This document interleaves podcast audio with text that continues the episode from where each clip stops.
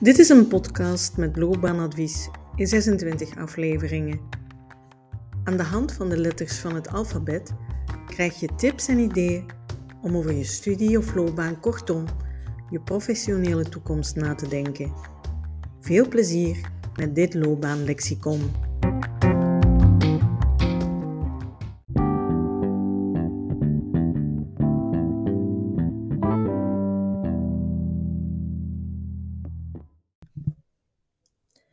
We zijn aanbeland bij de letter G. En daarvoor koos ik het onderwerp geld.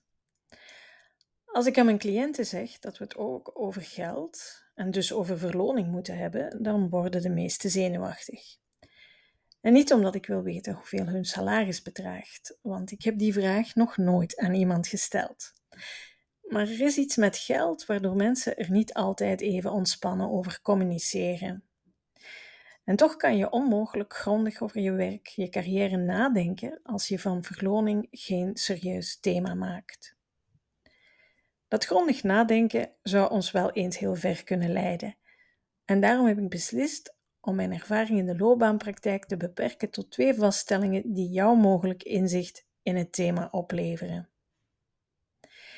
In de loop der jaren heb ik bij een deel van mijn cliënten vastgesteld dat ze aan het begin van hun carrière vooral belang hechten aan het kunnen volgen van hun passie. Er is een bepaalde activiteit die ze goed kunnen en vooral hartstochtelijk graag doen en waar ze graag hun dagen mee willen vullen. Ook als dit niet de meest evidente weg is om in het eigen levensonderhoud te voorzien. Daarbij worden er een aantal toegevingen gedaan. Ze hebben het niet breed, er is niet veel werkzekerheid, maar voldoening des te meer. Ze hechten met andere woorden veel meer belang aan de inhoud van hun job dan aan het geld dat deze opbrengt. Zeker wanneer het om jonge mensen gaat, is dit vol te houden, zelfs tot een paar decennia lang. Aan de grond van dit volhouden, of bij momenten zelfs volharden, ligt niet zelden de overtuiging dat het beleven van een professionele passie op termijn automatisch tot meer geld zal leiden.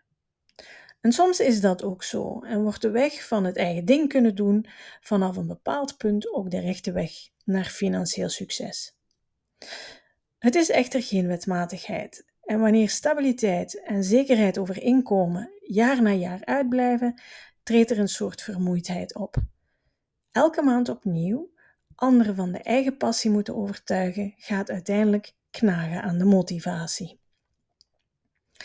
Dit leert ons dat grote voldoening over jobcontent niet de enige factor is die meespeelt om een carrière als geslaagd te ervaren, hoewel dat nog vaak zo geponeerd wordt. Geld of verloning speelt zeker een rol bij het professioneel gemotiveerd blijven. Ik zeg wel degelijk een rol, want de slinger kan natuurlijk ook naar de andere kant doorslaan.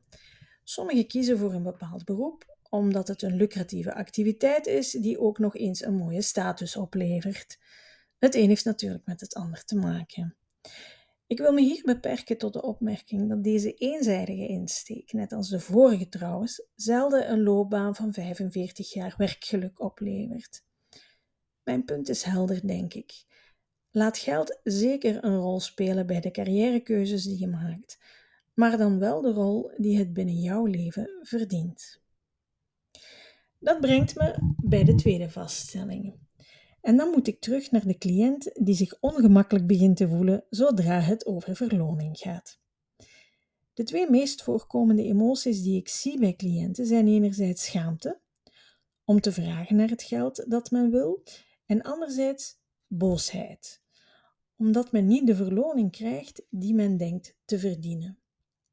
De oorzaak van beide emoties is natuurlijk dezelfde. Een denkfout over de rol van geldelijke verloning, niet alleen professioneel, maar ook privé. Ik wil hier een aanzet geven om die knoop in het denken te ontwarren. En ik doe dat in een paar stappen. Eerst moet je helder krijgen hoeveel geld je effectief nodig hebt of wil. Welk leven wil je leiden en wat kost jou dat leven? Begin met de korte termijn. En als je opgewarmd bent, kan je aan de meerjarenplanning beginnen. Ik onderstreep, blijf realistisch. Dat doe je door alle zaken die van belang zijn in de weegschaal te leggen. Want zoals ik samen met jou vaststelde, is geld niet de enige factor die jou professioneel gelukkig zal maken.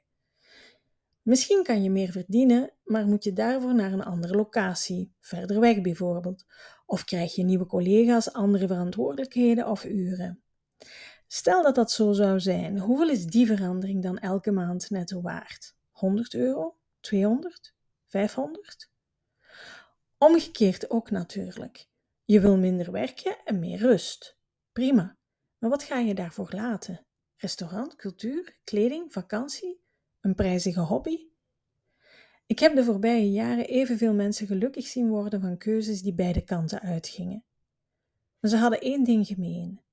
Ze hebben alles vooraf goed doordacht en zijn vertrokken van een realistische inschatting. Maar misschien wil jij wel meer geld voor exact dezelfde condities. Dan moet je je argumentatie goed opbouwen. Het leven is duurder geworden, sowieso. Maar wat speelt er verder nog? Ben jij inmiddels expert, dus senior in de plaats van junior? Is daardoor jouw niveau van prestatie getegen, gestegen sorry, ten opzichte van dat van collega's? Of ben je er net achter gekomen dat er al geruime tijd een verschil is tussen jouw verloning en wat gangbaar is, zowel binnen als buiten jouw bedrijf? In dat geval begint fairness te spelen. Dat was de letter F. Heb je inmiddels veel taken gekregen die initieel niet binnen het afgesproken pakket vielen? Zet alles eens op een rijtje en vervolgens kan je in actie komen en een gesprek aanvragen. Kies voor de aanvraag van zo'n gesprek de juiste persoon en het juiste moment. Wees niet opdringerig, maar laat je zeker ook niet afschepen. Een datum prikken op zich kost echt niet veel tijd. Kondig het gesprek aan met als onderwerp bijvoorbeeld carrièreontwikkeling en compensatie. Dat is correct. Het gaat niet alleen over meer geld, maar ook over wat daar tegenover staat. Zo, ik denk dat we alle rationele aspecten nu wel behandeld hebben. Dan blijven er alleen nog de emotionele hindernissen die jou en een gezonde vraag naar meer geld in de weg zouden kunnen staan. Besef dat er altijd een kans is dat je werk of opdrachtgever nee zegt. Probeer vooraf in te schatten wat dat met jou zou doen en hoe je erop zou reageren. Zou je dit als een afwijzing ervaren? Of zou je het wel begrijpen, maar ben je bang dat het de onderlinge relatie zal beïnvloeden? Een mogelijke oplossing bij een jet is het niet nu denken. Misschien is een loonsverhoging echt wel op zijn plaats, maar niet nu. Creëer perspectief door aan te kondigen dat je er toch weer eens op zal terugkomen. En ondertussen heb jij tijd om opnieuw na te denken over wat je doen kan. Misschien heb je moeite met confrontaties en wil je zeker geen spanningen veroorzaken op de werkplek. Je zal alles wat tot conflict zou kunnen leiden, met andere woorden, liefst willen vermijden. Dat kan een gesprek over geld behoorlijk in de weg staan. In dat geval zou je open kaart kunnen spelen en meegeven dat een serene verstandhouding minstens even belangrijk is als een loonsverhoging en dat wat jou betreft het ene het andere niet uitsluit. En tot slot kan je nadenken over wat geld überhaupt voor jou betekent. Je kan dat aan de hand van verschillende vragen. Bijvoorbeeld, in het gezin waar jij bent opgegroeid, was er daar te weinig, genoeg of net geld in overvloed?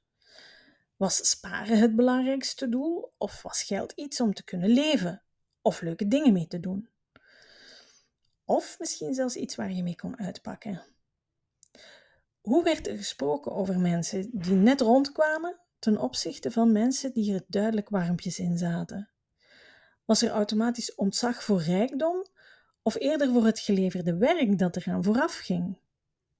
Hoe groot is geld als drijfveer in jouw leven? We zijn aangekomen aan het einde van een gevoelig thema binnen loopbaanontwikkeling. We kunnen afronden met de wetenschap dat er geen juist en geen fout is. Belangrijk is dat je weet waarom en hoe je achter die hogere compensatie aangaat, of net niet. Succes!